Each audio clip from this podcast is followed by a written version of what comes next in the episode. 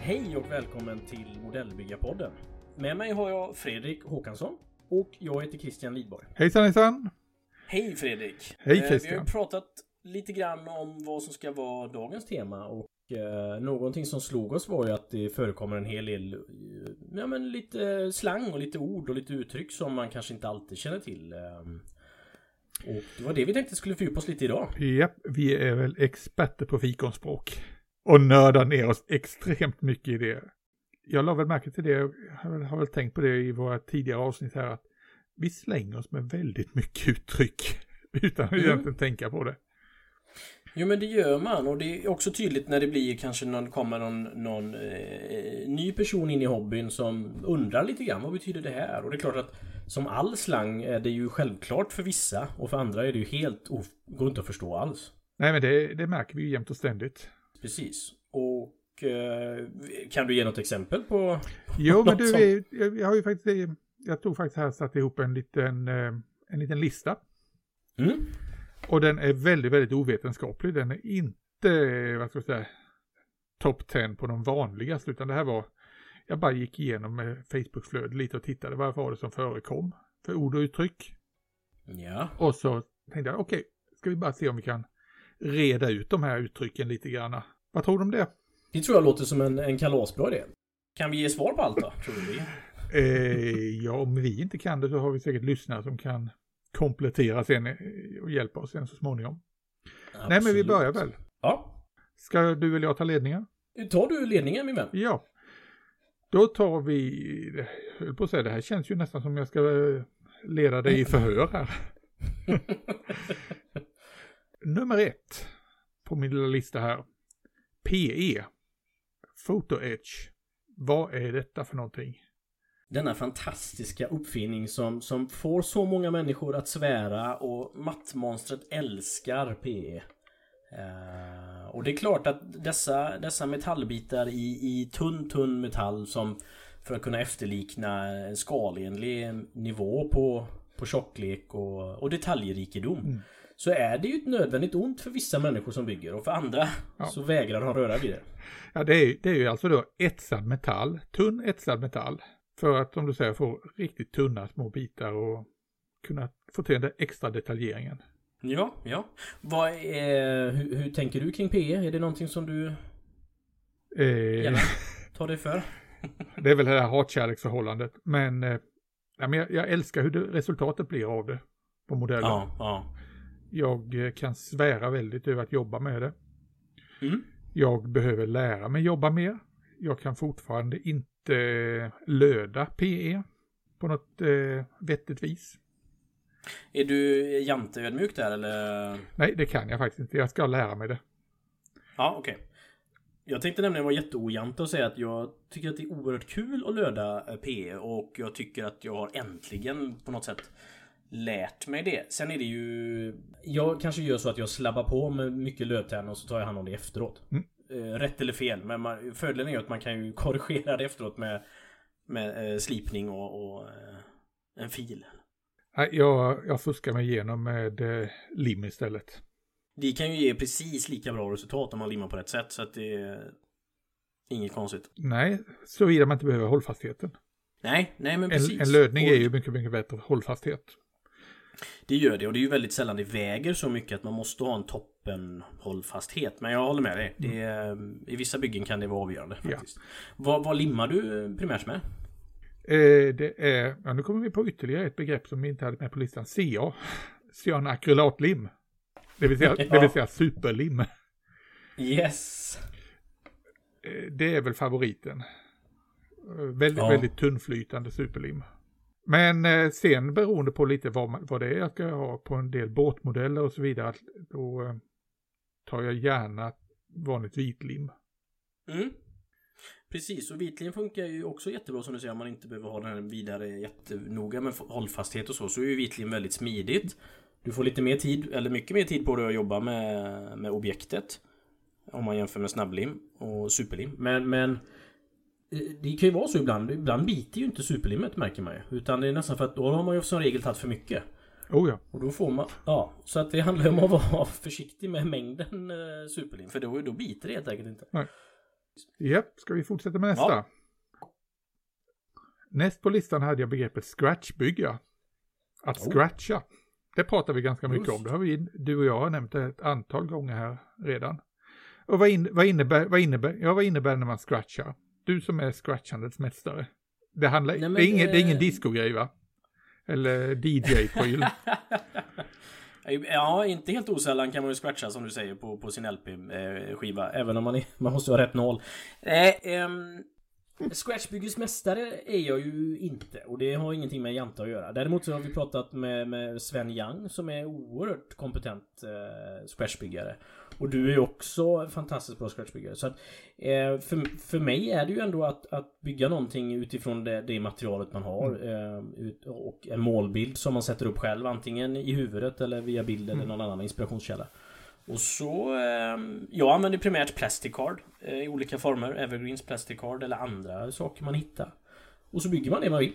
Man kan ju utgå från andra objekt också naturligtvis. Och, och då kommer vi in lite på kitbashing och det kanske är med på din lista också. Japp.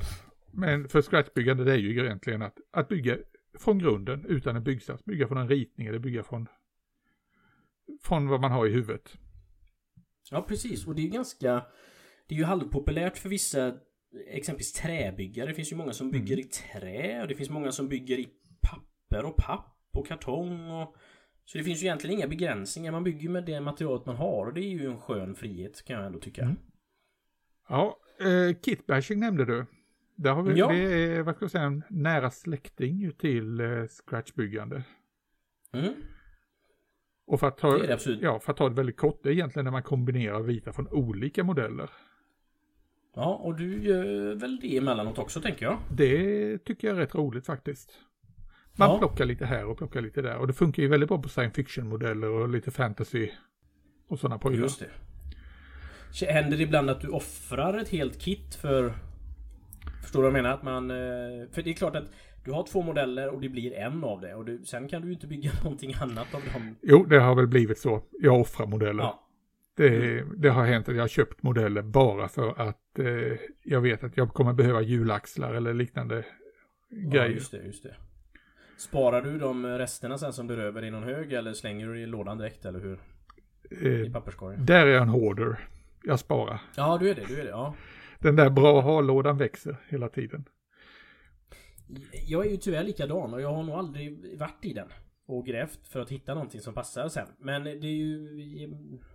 Ja, men det, det är lite olika grejer. Alltså, om man tar ett, eh, ett flygplan till exempel. Det, det jag har märkt jag ofta har användning för i, i kitbashande. Det är ju Mm. sådana saker som landningsställ och axlar, hjul och prylar. Ving, Ja. Vingar däremot har jag inte haft någon större användning av. De ligger fortfarande där och samlar damm. Och, kro och kroppshalvor. Jaha, okej, okej. Ja, ja, ja. Men eh, små detaljer, sådana prylar kan, kan eh, komma till användning. Nåväl, ska vi fortsätta? Eh, nummer fyra på min lilla lista här. Mm. Det är en grej som jag vet många ställer frågor om i Facebookflödena. Vad är vädra? Varför pratar alla om vädra? Just. Har vi dålig ventilation? Ja, det har vi förvisso, men det var inte det som var grejen väl? Nej, och det är klart att vi kan väl åtminstone först säga att det är ju ändå direktöversättning av eh, engelskans weathering. Det finns ju ett bra svenskt uttryck som vi knappt andra använder. Väderbit, Mm. Väderbitning. Ja, just det. Just det. Det är ju ändå en väldigt bra eh, eh, sammanfattning av hela Mm. begreppet. Och det är ju egentligen att få dit eh, slitage. Slitage eh, från väder och vind, mekaniskt slitage, åldrande. Mm. Det vill säga att få en fabriksny modell att se ut som om den har varit med ett tag. Ja, och detta är ju likväl som många frågar vad det är så Mm. de som De som arbetar hårt med vädring Det där råder ju oerhört Delade meningar om Hur ska någonting vädras? Och så då naturligtvis baserat på hur länge var om man sitter på, på militärhistoriska maskiner. Hur länge var den här aktiv i, i, eh, mm. i kriget? Hur länge var snittåldern och så vidare och så vidare. Och ibland ser man ju som vi har pratat om innan eh, monster i Berlin. Eh, monstervagnar från Berlin som ser ut som att de har överlevt 12 världskrig och så vidare och så vidare. Och så finns det den andra delen som eh, målar en vagn så som den var i princip när den rullar av monteringsbandet. Mm. Jag hörde en kul sak bland bilbyggare för, för ett par år sedan och det var att eh, de som bygger vagnar som, eller bygger bilar som är eh, väldigt rostiga och eh, slitna och så vidare, det är de som inte kan hantera blank lack. så att det, är att det är lättare genväg, enklare genväg. Ja, ja och det kanske ligger något i det. Jag kan väl i så fall ställa mig till den skaran. Ja. Det kan nog ligga, det, det har vi pratat om i ja. tidigare podd, det är också ett konstant verk såklart att mm. få fram den lackdelen där. Ja. Eh, och nu, sen ska vi ju inte förringa eh, vädringens eh, kapacitet och vad man kan göra. Och vi kan ju gå in på tusen tekniker. Och det ska vi inte göra nu men, men för min egna byggdel så, och för min egna bygglädjes skull så är det just vädringen som gör att man får utlopp för sina kreativa idéer och känslor och och vad är din, vad är din favoritmetod när det gäller vädring? Vad är det du mest ser fram emot? Vilket moment Just i vädringen? Nu, ja, precis. Eh, momentet som jag ser fram emot mest är faktiskt när jag får leka med oljor. Och det är någonting jag har lärt mig på senare tid att... Eh, och med oljor menar vi då alltså oljefärg? Eh, då menar vi oljefärg. Eh, och det finns ju en, en uppsjö olika bra alternativ nu för tiden. Både man kan köpa hobby, hobbyvarianter och så kan du köpa den som, som, som finns från eh, färger för just modeller. Mm. Och att både arbeta som en wash och på olika sätt eh, successivt.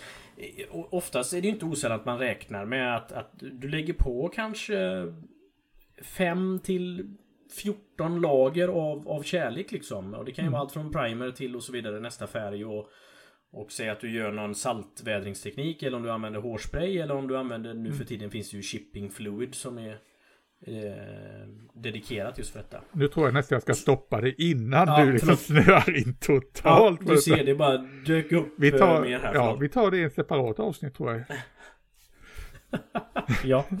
vi får väl göra det. Ja, ja, det är det här vi brinner för också. Oh ja, det här kan vara hur roligt som helst. Och eh, då kommer vi till den eh, stora samvetsfrågan här nu som punkt nummer fem. Christian, hur stor är din stash?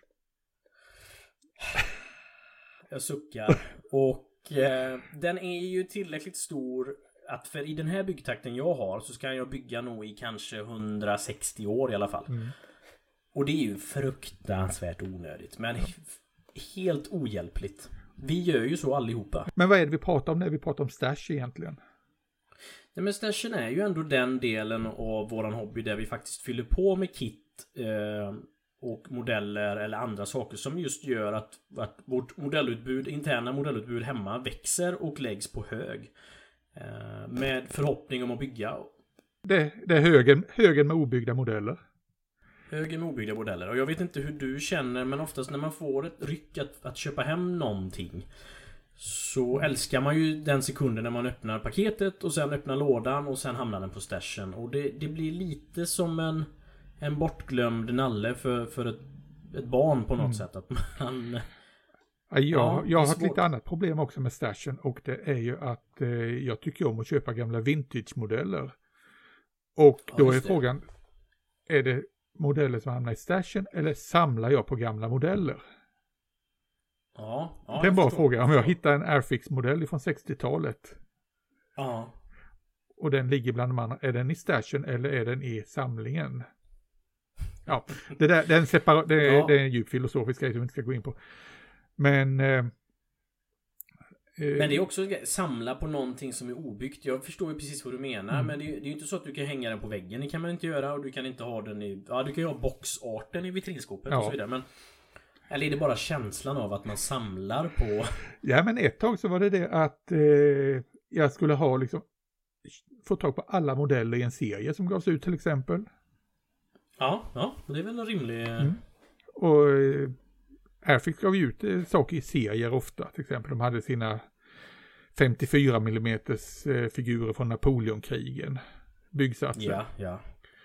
Och det, det jobbade jag länge på att få ihop en samling så jag hade allihopa till slut. Och då, då menar du obyggda i Obyggda. sin och så, ja, ja, ja.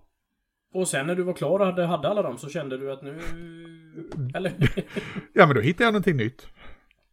ja. Nej men det, det, det är väl den här, eh, vad ska jag säga, kärleken till de gamla modellerna. Det är ju som sagt det är boxarten, det är känslan, det är, ja, det är svårt att säga varför man samlar på någonting.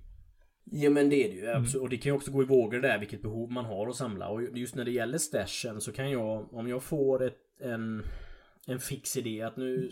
eh, Förr byggde jag ju primärt vagnar, stridsvagnar. Och nu vill jag bygga ryskt och då på en ganska kort tid, på några månader, så hade jag fyllt stashen med kanske 20-25 eh, vagnar.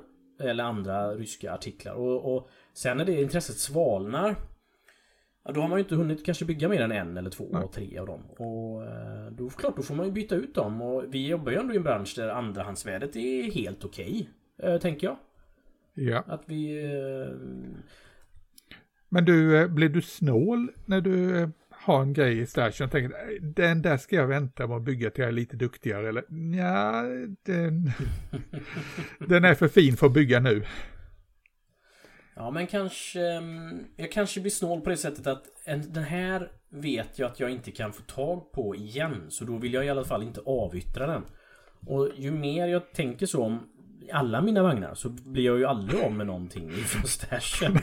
Nej, du, by, du bygger Eh. ingenting på det för Nej, precis. Och det är klart, sen när jag väl sätter tänderna i ett sånt kit så gör jag det med djup vördnad liksom och känner att det här förtjänar min tid. Och eh, om man ändå ska prata om de här ekonomiska värdena så var det ju ändå för att då tyckte man det var kul att köpa på sig jättemånga kit. För att det är klart, det är en hobby som vi håller på med som inte behöver vara så himla dyr egentligen. Man kan göra fynd här och kan köpa där och, och på både Ebay och Tradera och så vidare. Men, men nu för tiden så köper jag hellre ett, ett objekt som jag verkligen vill och då köper jag till Photo Etch och jag köper till eh, extra artiklar eller eftermarknadsmaterial till den.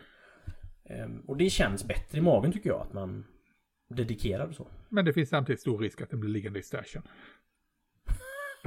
Såklart. Nåväl. Såklart. Ja. Vi, vi ska inte snöa in på detta. Nej. Men det, det ligger alla varmt om hjärtat för att alla kan relatera till en stash. Det Ja, ja, det är jämt och ständigt så dyker det upp liksom, visa stashen. Precis, precis. Det är, jag har en lapp sittande inne i mitt byggrum. Den som har störst stash när det slut vinner. ja, ja. Du, nu, nu har jag ju, nu har jag, kan jag ju tjuvläsa listan här Ja. lite grann och jag ser att nästa punkt, eh, det var någonting som jag precis råkade ut för eh, av dig faktiskt. Ja, förlåt, Ja. förlåt. nej, nej, nej, nej, det är ju... Om man är, begreppet som vi ska prata om nu kallas för rivet counters. Ehm, och, ehm, Niträ, Översätts. niträknare på svenska. och översätts till niträknare. Och det har vi ju alla träffat på i olika former. Eh, och vad är det för dig, en niträknare, en rivet counter?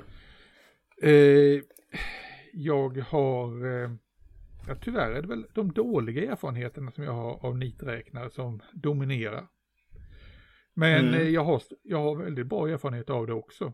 En niträknare är ju en person som kan väldigt mycket om någonting och är väldigt noggrann med att det ska efterlikna originalet. Mm. Och eh, jag råkade ut för det bland annat med eh, en liten modell jag hade byggt av eh, eh, den brittiska fregatten HMS Amazon. Ja. Då visade det sig att när jag la upp den på Facebook, då det, fick jag lite kommentarer om att det här och det här och det här är fel på den. Mm. För det är ofta det man förknippar med niträknare, att man får alla fel Ja, just det. uppräknade framför sig. Ja. Och eh, det kan vara lite jobbigt. Men jag fick väldig respekt just för den killen som kom och, sa, och påpekade saker för han hade tjänstgjort på båten. Ja, okej. och han, då han in, liksom det blev konstruktiv kritik. Ja, för han just det. tyckte samtidigt att det var väldigt snyggt. Så det var inte bara, det var inte något nersablande utan det var konstruktiv Nej. kritik. Att det här och det här stämmer inte riktigt vid den tidsepoken, den var lite tidigare och så vidare. Men, Mm. skrev han, att jag, jag förstår ju att du, du har inte brittiskt eh, marint ursprung så det kan man inte förvänta sig. Men det är ju lite grann det vi pratade om innan också det här med kitbashing eller Mm. scratchbygga. Och det är klart att om, om, en, om en modellbyggare köper eh, ett objekt en modell och så bygger den ur lådan som också är ett begrepp som vi, eh, vi behöver prata om Ja. tror jag. Eh, och då, då, då kan man ju ändå förvänta sig som modellbyggare att det här är en korrekt avbild av, Mm. av eh, originalet liksom. Och jag har ju jag har ju en fäbless, fäbless för um, tigrar, Tiger 1. Och där kan jag kanske bli lite rivet counter emellanåt när jag faktiskt eh, ser eh, exempelvis på en, på en bild eller en tävling eller vad månde vara liksom. Alltså, så, så kan jag ju ganska lätt se om vilken del av produktionslinan den härrör ifrån. Vilket årtal den är byggd och inte och sådär. Och då kan jag bli lite rivet counter. Men det är ju kanske ingenting jag förmedlar på ett negativt sätt då till den personen som jag ser. Utan jag konstaterar det för mig själv. Och så är det inte mer med det. Nej, men jag tror vi har alla det där lite rivet counter i oss. Och är lite niträknare för eh, vi har alla våra liksom, käpphästar och vi är duktiga på olika saker. Om det sen, det kan ju till och med vara, ja, det finns ju niträkning inom science fiction också. Ja, Bara för att någonting är, är påhittat så innebär det inte att det inte finns niträknare.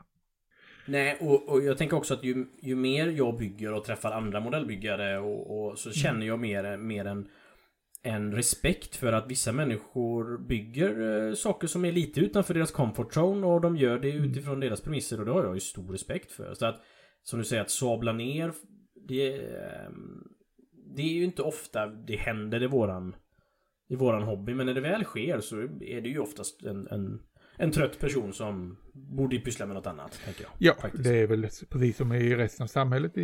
Ja, ibland är man inte på topp när det gäller den sociala kompetensen och Nej. skulle kanske kopplat in hjärnan lite tidigare innan käften gick igång. ja. Ja, ja, spännande. Spännande, spännande. Då har vi ju som sagt avhandlat en del ämnen. eh, mm.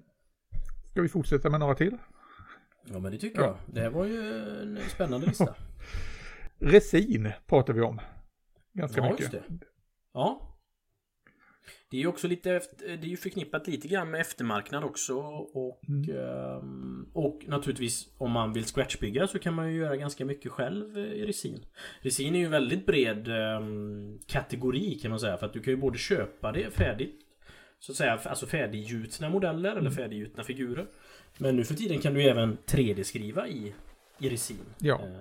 Och resin det är ju alltså då eh, tvåkomponents epoxy. Oftast är det tvåkomponents, nu finns det ju också då UV-känsligt, alltså det är ju ett flyt, en flytande hats som stelnar. ja. Och varför använder vi resindelar överhuvudtaget? Varför nöjer vi oss inte med byggsatsdelarna? Varför ska man ersätta olika prylar med resin? Mm. Men det kan ju vara olika anledningar. Det ena är ju att man kanske vill då datera ett objekt till en specifik period. eh, Och man kanske vill bakdatera ett objekt. Om det är flygplan eller vad det än månde vara. Och sen är det ju detaljeringsnivån som kan vara ofantligt fin och jättebra. Ja, Och jag, jag gjuter ju gärna själv i resin. Jag har ju ett stort behov av att använda... När jag vill duplicera, säger man så? Duplicera? ja, Om man vill göra kopior på, på någonting så gjuter jag ju gärna själv. eh, Då använder jag en, en speciell tvåkomponent silikon och sen gjuter jag i resin. Så många exemplar jag vill ha av det som jag vill ha. Till ett diorama exempelvis. ja, för som du säger med detaljeringen i och med att man kan gjuta på ett helt annat sätt än man kan gjuta när man gjuter en plastmodell. En, Mm. en plastmodell kräver ju två formhalvor. Just Men eh. Som du sa, när du använder silikonform, då kan du få en mjuk form som du kan kränga av och få detaljer på alla håll. Och sen är det väl så att det här med resin blev populärt, för det var ju som sagt någonting folk kunde göra hemma i små serier. Så här, ja, små garage, garagefirmor. Ja exakt och det kom ju Det öppnade upp oerhört mycket intressanta objekt och, och, och för att inte tala om det svenska objekt som har släppts i, i resin. Ja, det, det vet jag ju sedan många år tillbaka. Det var ju enda chansen att få tag på vissa modeller så var det att någon ja, hade gjort den i, som en resinmodell. Precis. Men det är inte, det är inte lätt, helt lätt att jobba med. Nej men det är det ju inte och inte osällan när du om, och säger att du Jag har exempelvis ett resinkit som ett gammalt och oftast är de ju några år på nacken de här Ehm, Det fanns ju bland annat ett till stridsvagn 122 Det var ju ett, ett välkänt eh, Vad är det HKCV som har gjort ett resinkit här då Och då är de ju ibland lite varpade Alltså de är lite böjda och det är lite ehm, Och det blir lite skört med Och det är tiden. skört. Och det är inte topp, bra, toppenbra att andas in. Eh, Det är att, det eh, absolut inte, nej. Det är ansiktsmask som gäller när man jobbar med det. Ja, Ja. så att eh, resin används ju fortfarande av en del byggare. Även om man kanske använder det mer och mer i 3D-skrivare tänker jag. Men ja. Ja. Eh, du pratade om direkt ur lådan inne. Mm. Eller out of box. Out of the box. Precis. Ja. Bygger du eh, gärna out of the box eller? Eh, ja, en del modeller gör jag faktiskt det. Jag tycker det är, ibland är det väldigt, väldigt avkopplande att tänka att ja, jag behöver inte hålla på och hitta på någonting extra. Det, det behövs nästan som en liten här rensning i huvudet emellanåt. Det, kli, Ja. det kliar alltid i fingrarna att få bygga om saker och ting, förändra. Men ibland så är det en utmaning att bara bygga någonting rakt direkt ur lådan. Utan att Precis. lägga till en massa extra grejer, förändra, bygga om. Mm. Och bara se, ja, hur bra blir det här? Det är ju trots allt det är ju avkoppling. Så det är ju ingenting vi ska förringa.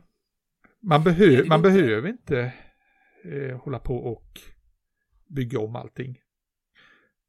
Däremot, om vi kommer på tävlingar, hur Ja. då... Eh, hur ser man på det här med direkt ur lådan då? Men generellt sett så, ehm, så, så anses ju det eh, som en, en, en, jag ska inte säga en genväg, men det känns, det uppfattas som att man har eh, gjort det lite lättare för sig kanske. Ja, Problemet är väl också att om du bedömer en modell som är direkt ur lådan och i samma klass har en som är superdetaljerad med massa extra prylar på. Mm. Så har ju den som är direkt ur lådan lite mindre chanser att dra hem första priset. Så är det, så är det. Och, och i vissa tävlingar så är det ju, som tur är då, så finns det ju klassindelningar också på om man har om man vill att den ska bedömas lite kraftigare och lite starkare eh, eller på andra premisser. Eller så kan du ställa ut den som direkt ur lådan. I princip. Men det är inte alla tävlingar som är sådana, men vissa gör det. Nej. Och, och för min del, jag, jag har ju ett, ett litet projekt ehm, där jag bygger en, en eh, maskin eh, förhoppningsvis till en bok framöver. Och då, där har jag ju superduper duper detaljerat med fotoetch i alla dess former. Och det är mer metall på vagnen än vad det är på eh, mer än plast. Men sen då när man faktiskt lägger lack över detta. Den är ju jättehäftig och fin i sin gråa och eh, i mässingsfärgade delar innan. Sen när du lägger sin lack på så är det ju det är inte helt lätt att se att den är superdetaljerad.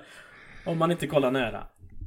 Nej, men det som jag har märkt när jag bygger fartyg, att eh, Mm. det är synd att måla allt den här fina mässingen som man har fått dit på ja, överbyggnad och liknande, för det skiner ganska fint. Ja men verkligen och jag skulle nästan vilja göra en shoutout till den som vågar att eh, nästa utställning eller tävling att någon kommer med en helt detaljerad eh, ett objekt som är detaljerat och så målar man halva. Du gör i princip ett streck mitt över. Så att den ena sidan är vädrad och fin och målad och den andra sidan ser man vilket jobb man har lagt ner. För det är egentligen det man inte ser sen. Mm. Eh, Det sätt. en häftig idé faktiskt. Mm. Ja, eh, på tal om det här med målning, då kommer vi fram till min favoritvädringsmetod. Chippning. Oj. Chippning. Ja, och jag menar inte, jag menar inte golftermen. Nähä, nej jag tänkte mer att du åt chips när du byggde vagn också. Ehm, nej, det, Eller det, är, det är ganska förödande. Eh, Vill du berätta om hur, hur du gör när du chippar då? Vad, vad betyder chippning för dig? Chippning för mig, det är ju att eh, få fram färglagret som är under. Det är att jobba med två, två eller flera färglager. Det är helt enkelt att efterlikna rost, Mm. avskavd färg Ja. och eh, beroende på vad det är för modell så har jag lite olika favoritsätt. Men det vi du nämnde innan, hårspraysmetoden, det vill säga att man lägger på hårspray eller någon chipping fluid, vilket egentligen är exakt samma sak. Det vill säga någonting som får det färglagret ovanpå att kunna lösas upp Ja, när man tillför vatten. Eh, nu ska vi inte gå in så mycket på det där, men just chippning, det är ju ett sätt att få fram ett underliggande lager, särskilt vid rost till exempel. få fram stora ja. rostfläckar. Och det, det älskar jag att jobba med. Jag tycker det är jätteroligt. Jag tänker också att det kan man ju jobba egentligen på två sätt. Du kan ju jobba inifrån och ut. Och sen kan du ju simulera det utifrån och in också så att säga. Om du förstår vad jag menar. Att man kan eh, Man kan jobba med shipping fluids mm. och hela den biten. Och då, då, då blir det ju som på riktigt. Att du, att du har en grund. Och sen skav, skaver du av färgen och det blir ju oerhört. Men du, man kan ju även göra åt andra hållet. Att du, oh ja. Att du använder den andra vägen. Men... Um... Precis som du säger, man kan jobba inifrån och ut eller utifrån och in. Och utifrån och in, då har vi till exempel det här man kallar för svamp. Eh, chippning eller sponge chipping. Mm. Där du har lite, lite färg på en svamp eller liknande och duttar på. Och för mig är det ju en kombination av de här olika sätten som blir det absolut bästa. Mm, jag håller med, jag håller med. Jag föredrar också att man kan hitta en, en, eh, en gyllene medelväg. Och så naturligtvis att man aktivt jobbar. Så nu ska vi inte prata kanske i detalj med det men Men en rejält bra eh, vädrad och chippad modell det är ju att man får ta centimeter för centimeter. Det är ju svårt att eh, bara gå loss. Man får verkligen eh, ta sitt tålamod och, eh, och vara noggrann liksom. Mm. Och sen inte glömma att eh, hela tiden mellan varje steg i processen se till att försegla det tidigare. Det är väl... Exakt. Det har jag gjort misstaget många gånger att whoops. Där missade jag att eh, lägga på lack och så var det något som reagerade med lagret under och sen får man bara börja om. Helt rätt. Och jag som arbetar först med akryl eller någonting och sen då går loss på med oljor och så tinner med det. Då får man verkligen ha förseglat innan. Och, mm. Eh, så det, det är ju som vi pratade om innan där att, att lägga på 5 till 15 lager är ju inte ovanligt. Um, och, och, det måste man ju inte men det är ju uh, Det ger en bra effekt, det gör det. Ja. Eh, ja, vad spännande. Vad lite, spännande. Så här, lite så här avslutningsvis, vi har nämnt begreppet här flera gånger. Eftermarknad mm. eller aftermarket. Ja, men precis. Vad är detta egentligen? Jo, ja, vi var ju inne på det när vi pratade om resin till exempel. Det småfirmor kan det vara som gör prylar. Mm. Det är alla tillbehör efteråt. Det, det handlar ju om eh, småfirmor eller eh, alla de här niträknarna som eh, hittar felaktigheter i modellen och vill eh, kunna rätta till det. Och ja. då eh, gör små satser med extra detaljer, rättelser och så vidare. Eller som du pratar om att bakdatera saker och ting om man vill ha en annan version av något. Och det är, det finns hur mycket som helst. Det gör det och man kan verkligen bli fascinerad över att i, i våran lilla bransch som man kan tycka och tänka, våran lilla hobby att för varje modell och kit som släpps eh, och vi har pratat om att det är en guldålder just nu, att det släpps oerhört mycket, så kommer det alltid om man tittar både på flyg och, och pansar eller vad, båtar eller bilar så, så kommer det alltid någon resinkit som rättar till det ena eller fjärde. Det kommer alltid någon något fotoärtssätt och kanske från flera leverantörer och så vidare. Och, och, för att inte tala om, eh, jag brukar kalla det för kalla pipor till stridsvagnar. Alltså aluminiumeldrör. Mm. Eh, enda sättet för dem att se, om man ser det sen på en tävling, det är ju för att känna lite på, kanske på pipan. Det får man inte röra andra människors vagnar. Men därför kallar jag det för en kall pipa. Mm. Men, ja. Vi har, jag kan säga så, det, vi har motsvarande sak när det gäller båtar. Okej. Okay. Fast då kör vi ofta eh, mässing till dem. Ja, ja, ja. Och var, varför har vi det? Jo, det är ju till exempel att eh, det är svårt att få eldröret runt om man försöker få väck skarven.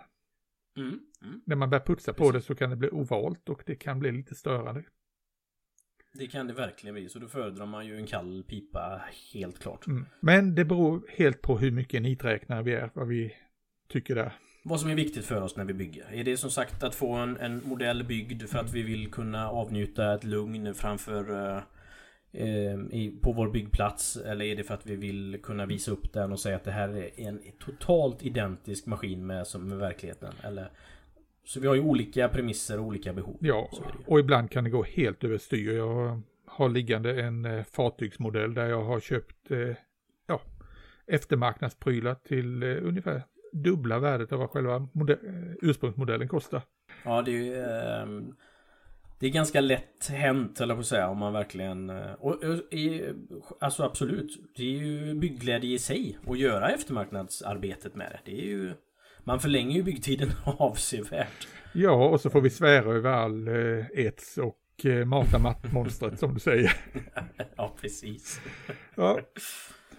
Ja, vad spännande. Ja. Har vi mer på listan? Nej, egentligen inte. Det är bara en liten bonusgrej. Ett Ja. uttryck som ofta dyker upp, fyra bokstäver som ofta dyker upp i diverse flöden och eh, i snacket. T-E-T-C. T-E-T-C. Ja. Vill, vill du berätta vad det är? Tamaya Extra Thin Cement. Fantastiskt. Fantastiskt. Nu har vi förklarat det i alla fall, ifall att någon undrar. ja, Och var, varför, varför det här. Tamaya? Ja, det är för att det är helt suveränt lim helt enkelt. Det är bara så. Tunt, lättflytande, funkar jättebra. ja. Och har en väldigt bra liten borste i korken. Och det man bör tillägga är, som inte alla vet, är ju att den här borsten går faktiskt att förlänga. Eh, Japp. Och det, det är ju ingen superhemlighet, men det är inte alla som vet om det eller upptäckt det. Men det går, den är teleskopisk den här lilla borsten. Eller lilla penseln. Ja, det enda är bara att man får inte glömma, man måste fälla in den innan man skruvar på locket igen, för annars så tar man och trycker till penseln. i. Så böjer den sig, Ja. absolut. Så är det, så är det. Ja, Ja. det var en parentes. Du, nu har vi spånat på en bra stund här va? Ja, men det har vi nog. Eh, Har vi blivit och- något klokare? Ja men det tycker jag för att ändå Ja. kunna gå igenom begrepp och lite sådär vad betyder de för dig och vad betyder de för mig och hur uppfattas de av andra och, Ja. eh, Så det tänker jag att vi har blivit klokare faktiskt. Så på vårt vanliga sätt så har vi flummat runt i snacket. Ja det har vi faktiskt och eh, vi vill passa på och, och också tacka för det varma mottagandet som podden faktiskt har eh, fått. Vi har ju eh, släppt tre, fyra avsnitt och vi är ju jättetacksamma för att ni vill lyssna på oss och att vi eh, kan bidra med en, en, en bygginspiration för framtiden här. Så Ja. att eh, Jag tackar väldigt, så väldigt mycket för all underbar feedback.